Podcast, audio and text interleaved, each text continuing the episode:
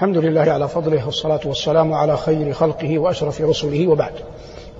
أيها المباركون كنا قد تحدثنا في اللقاء الماضي ضمن دروس تفسير هذه المباركة بإذن الله في هذا المسجد المبارك عن مسألة القتل وحررنا وذكرنا أقسامه في القرآن غالبا ثم بينا وتأملنا قول الله جل وعلا وما محمد إلا رسول. واليوم نزدرف إلى آيات أخر ذكر فيهن مفردة القتل.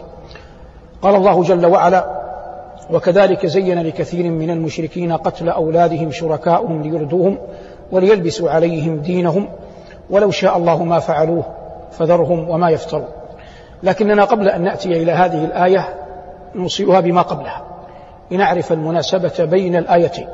سورة الأنعام في كثير من آياتها بيان لأي جهل كانت عليه العرب في عقولها وتشريعاتها التي كانت لا تأتي ولا تعتمد على أي هدى ولا كتاب منير قال الله جل وعلا في الآية التي قبلها وهي متصلة بما بعدها قال وجعلوا لله مما ذرأ من الحرث والأنعام نصيبا. فقالوا هذا لله بزعمهم وهذا لشركائنا. فما كان لله فما كان لشركائهم فلا يصل إلى الله وما كان لله فهو يصل إلى شركائهم ساء ما يحكمون قوله جل ذكره وجعلوا لله مما ذرأ من الحرث والأنعام نصيبا أي قسموا وصرفوا. والحرث هو الزرع والأنعام بهيمة الأنعام. وجعلوا لله مما ذرأ هو الذي خلق هو الذي رزق. وجعلوا لله مما ذرأ من الحرث والأنعام نصيبا فقالوا هذا لله بزعمهم وهذا لشركائنا والمعنى أنهم يأتون ما يجنون من من الزروع أو من بهيمة أو من بهيمة الأنعام. ماذا يقولون؟ يقولون هذا الجزء من المال هذا الجزء من النتاج نجعله للأضياف والمساكين. فهذا يريدون به ماذا؟ يريدون به لله ويمتنون بالله يمتنون على الله به ويجعلون قسما ينفقونه على أصنامهم ويجعلون قسما ينفقونه على على أصنامهم. فإذا نقص الشيء الذي جعلوه لله لا يأخذون من الشيء الذي جعلوه للأصنام يقولون إن الله مستغن. وإذا نقص الشيء الذي جعلوه للأصنام أخذوا من الشيء الذي قسموه وجعلوه لمن؟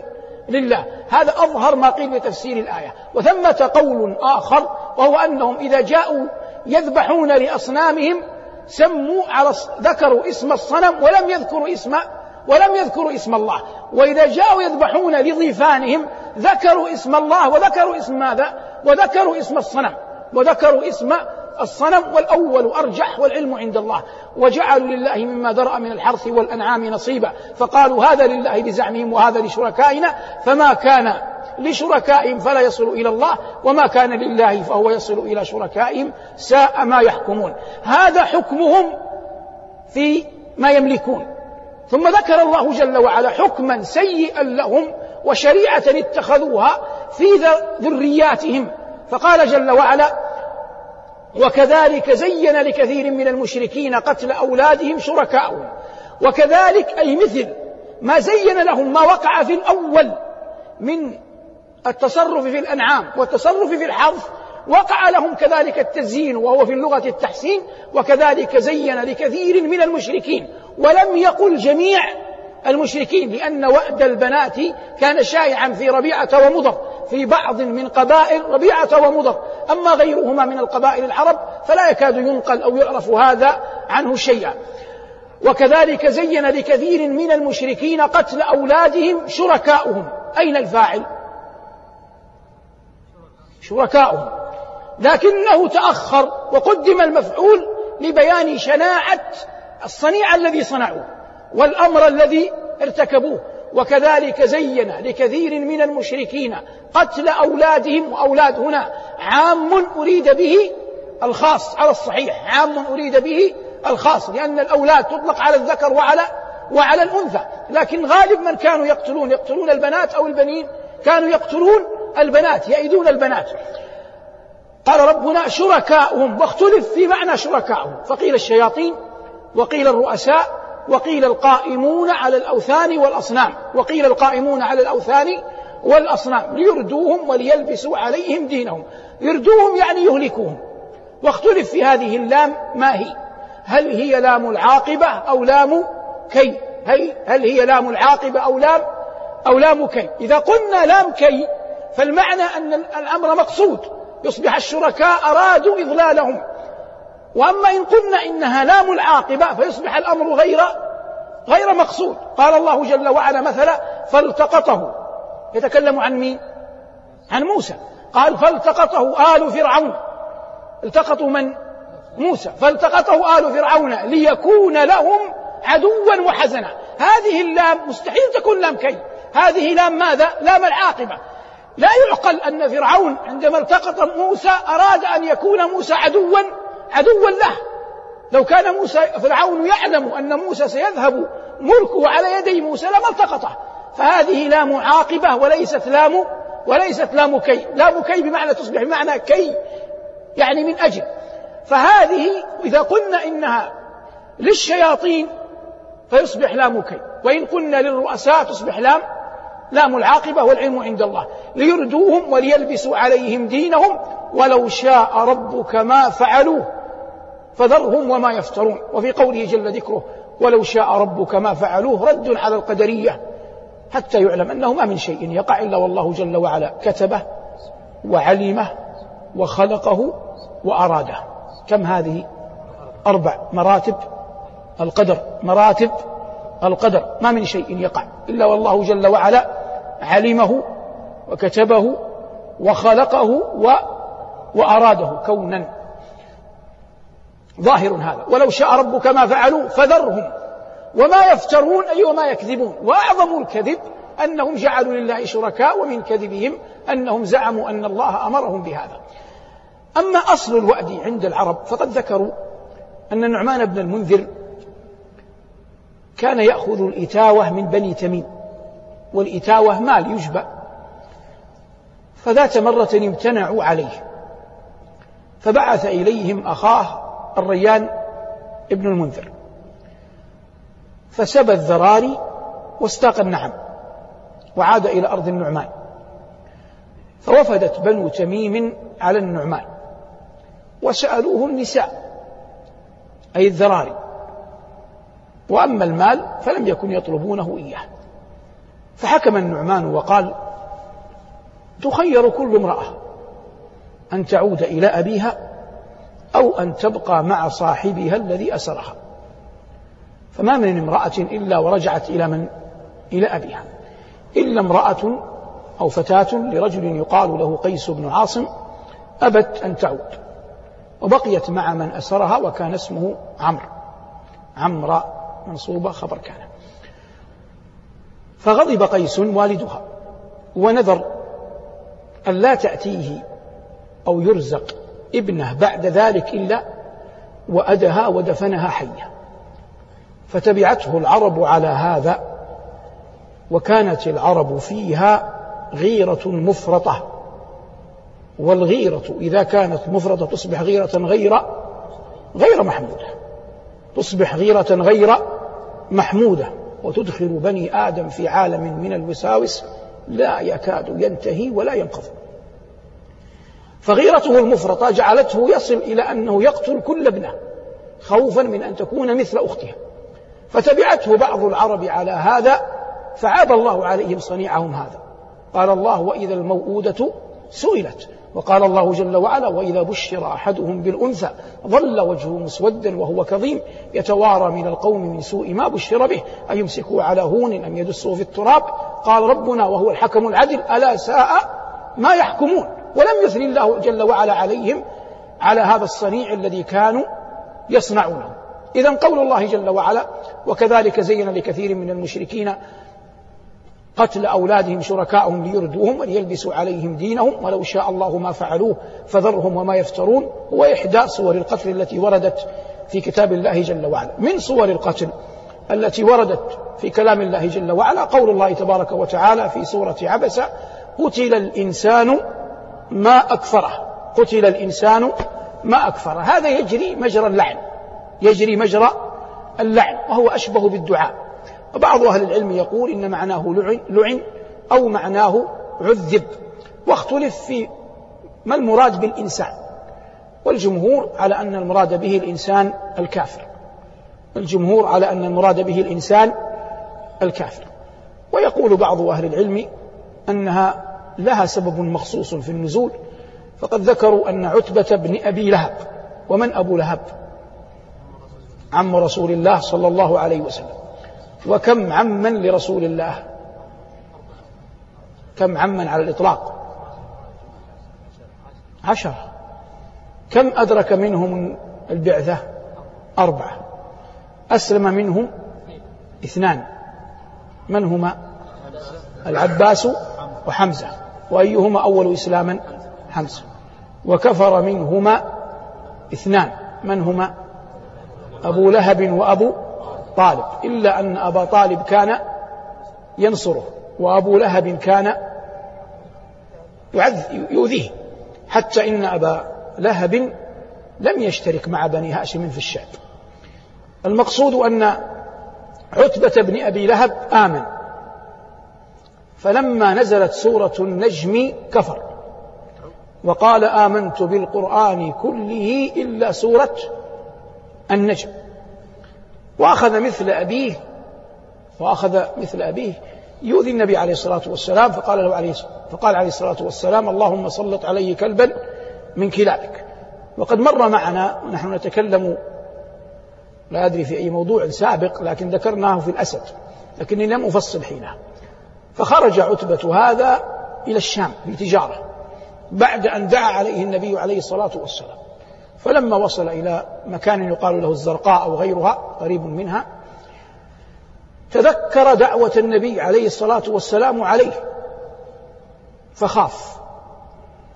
فقال للرفقة الذين معه إن أصبحت حيا لكم ألف دينار. فأحاطوه وجعلوه في وسطهم. وجعلوا الرحال حوله. ثم هم حوله حتى يكون أنأى وأبعد لو جاء سبع. فجاء الأسد ووثب عنهم وعن الرحال وجاء فوقه ومزقه ثم خرج. وقد قال أبو لهب قبل أن يخرج ابنه إلى الشام يبكيه. قال والله ما قال محمد شيئا إلا كان. من يقول هذا؟ أبو لهب. ما يقول محمد شيئا إلا كان وبكى ابنه وهو يوجه. وهو قرابة عم رسول الله صلى الله عليه وسلم. حتى تعلم أن الأمر توفيق وخذلان. توفيق وخذلان. من أراد الله به عبدا خير من أراد الله به خيرا وفقه. ومن لم يرد الله به خيرا خذله. نعوذ بالله من الحرمان والخذلان. وإلا هذا يبكي ابنه يعلم يقينا أن هذا سيقع. لكن سبحان من يحكم ما يشاء ويفعل ما يريد. فقتل في الزرقاء من أرض الشام. قال الله جل وعلا قتل الإنسان ما أكفره. معنى ما أكفره أنه يقر بأن الله هو المحسن إليه ومع ذلك يأنف أن يعبده. يقر بأن الله جل وعلا هو المحسن إليه ومع ذلك يأنف أن يعبده.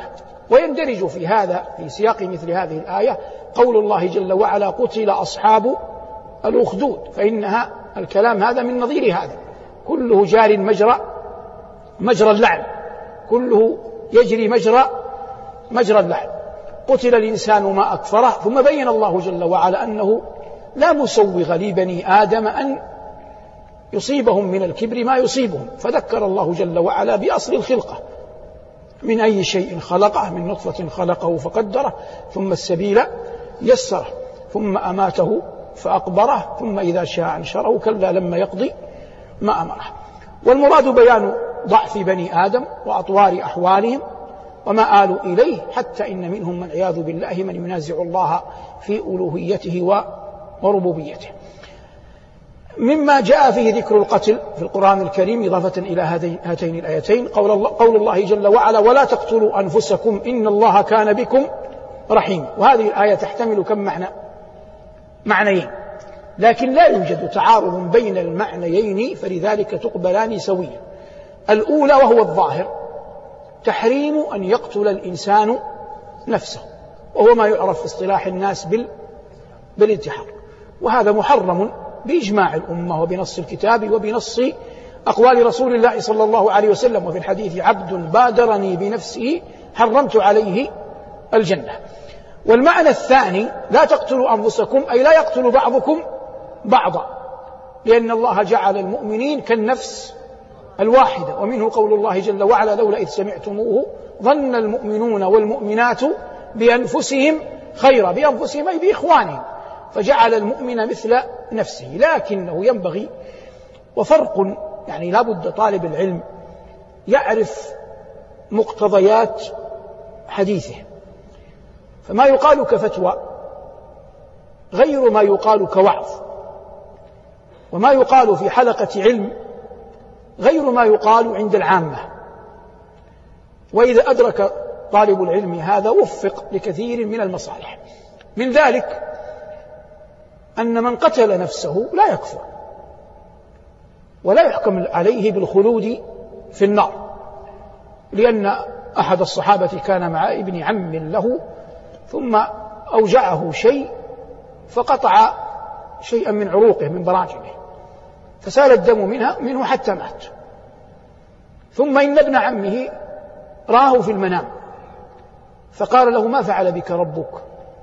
ورآه مغلول اليدين. قال قد غفر لي.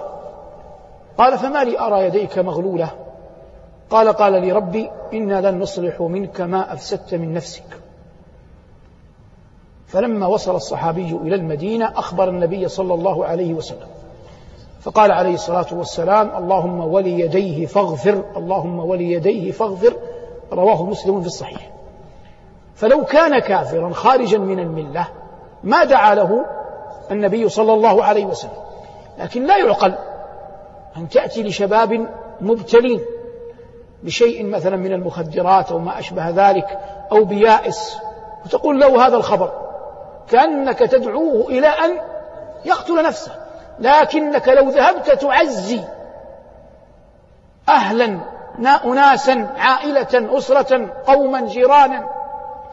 أصيبوا بأن أحد أبنائهم قتل نفسه فأصابهم الكرب تأتيهم حتى تخفف عنهم المصاب تعزيهم وتقول لهم هذا الحديث وأنه لا يحكم له بالنار وأنه اعملوا عنه عملا صالحا صوموا آه، حجوا عنه ائتمروا عنه تصدقوا عنه. حتى تطمئن قلوبهم وتبين لهم أي سعة هي رحمة الله جل وعلا. واضح؟ فينبغي للعاقل أن يضع الأشياء في موازينها الصحيحة وبهذا أصلا يميز عالم عن عالم وطالب علم عن طالب علم لأن الحكمة ضالة المؤمن حيث وجدها فهو أولى بها. وفقنا الله وإياكم والحمد لله رب العالمين.